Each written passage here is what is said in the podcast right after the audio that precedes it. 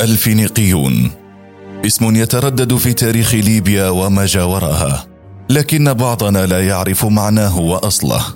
يختلف المؤرخون في تحديد أصول الفينيقيين فيقول هيرودوت أنهم سكنوا على ضفاف المحيط الهندي اولا ثم هاجروا إلى الشام في الجزء المقابل لقبرص على ضفاف شرق البحر المتوسط.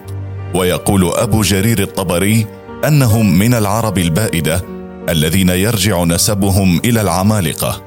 وعلى اي حال فإن الفينيقيين عاشوا وأسسوا حضارتهم على سواحل الشام في لبنان الحالية. تقول أسطورة تأسيس مدينة قرطاج أنه كان هناك ملك فينيقي يدعى ماتان الأول لديه ابن اسمه بيغمليون وابنة اسمها عليسا أو إليسا. عليسا كانت متزوجة من خالها الثري كبير الكهنة. وفي يوم من الأيام مات الملك والد عليسا فاستولى شقيقها بيغمليون على الحكم والذي لم يكن راضيا عن زواجها فقتل زوجها وطلب يدها للزواج. لكن عيليسا بدأت في مماطلة أخيها حتى تمكنت من الهرب سرا مع كنوزها وأتباعها وتنقلوا بين البحار حتى وصل بهم الحال إلى شمال أفريقيا في تونس حاليا وأسسوا مدينتهم وأسموها قرط حتشت والتي تعني القرية الحديثة لتتحرف التسمية بعد ذلك وتصبح قرطاج.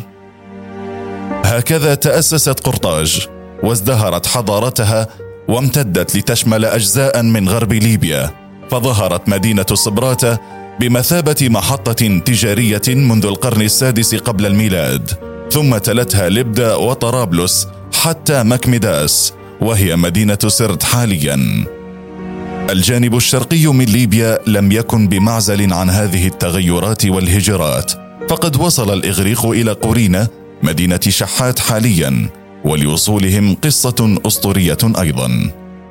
تقول الأسطورة أن سكان جزيرة ثيرا اليونانية ازداد عددهم وتسبب ذلك في القحط والجفاف، وتعرف هذه الجزيرة اليوم باسم سانتوريني جنوب اليونان.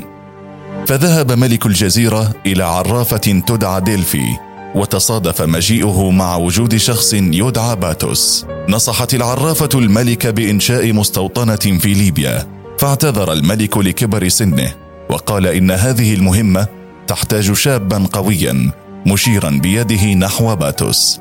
فأخذ باتوس المهمة على عاتقه وجهز حملة أبحرت باتجاه ليبيا التي لم يكونوا يعرفون موقعها على وجه التحديد. وصلت الحملة إلى جزيرة بلاتيا واستقروا بها لمدة عامين ثم عادوا إلى أرضهم دون تحقيق أي إنجاز. يقول المؤرخ هيرودوت عن عودة باتوس أن إله الإغريق أبولو استشاط غضبا وأنزل نقمته على سكان ثيرا وحرمهم من الطعام والماء حتى قرروا أن يرسلوا حملة أخرى إلى ليبيا في هذه المرة نزل باتوس في منطقة بالقرب من مدينة التميم حاليا وأقام هناك لمدة ست سنوات. خلال هذه السنوات كانت النزاعات بين القبائل الليبية قد أعطت باتوس صديقا يمكن الوثوق به.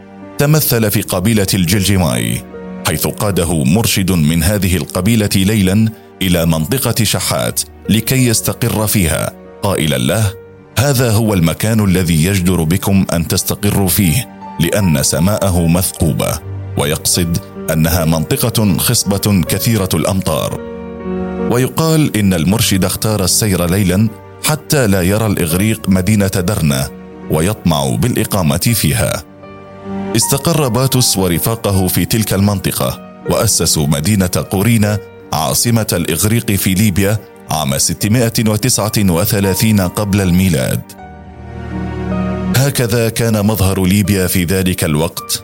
الإغريق في الشرق ويزحفون غربا والفينيقيون في الغرب ويزحفون شرقا. لكن ما الذي حدث بين الإغريق والفينيقيين على الأراضي الليبية؟ هذا ما سنبدأ به حلقتنا القادمة. إلى اللقاء.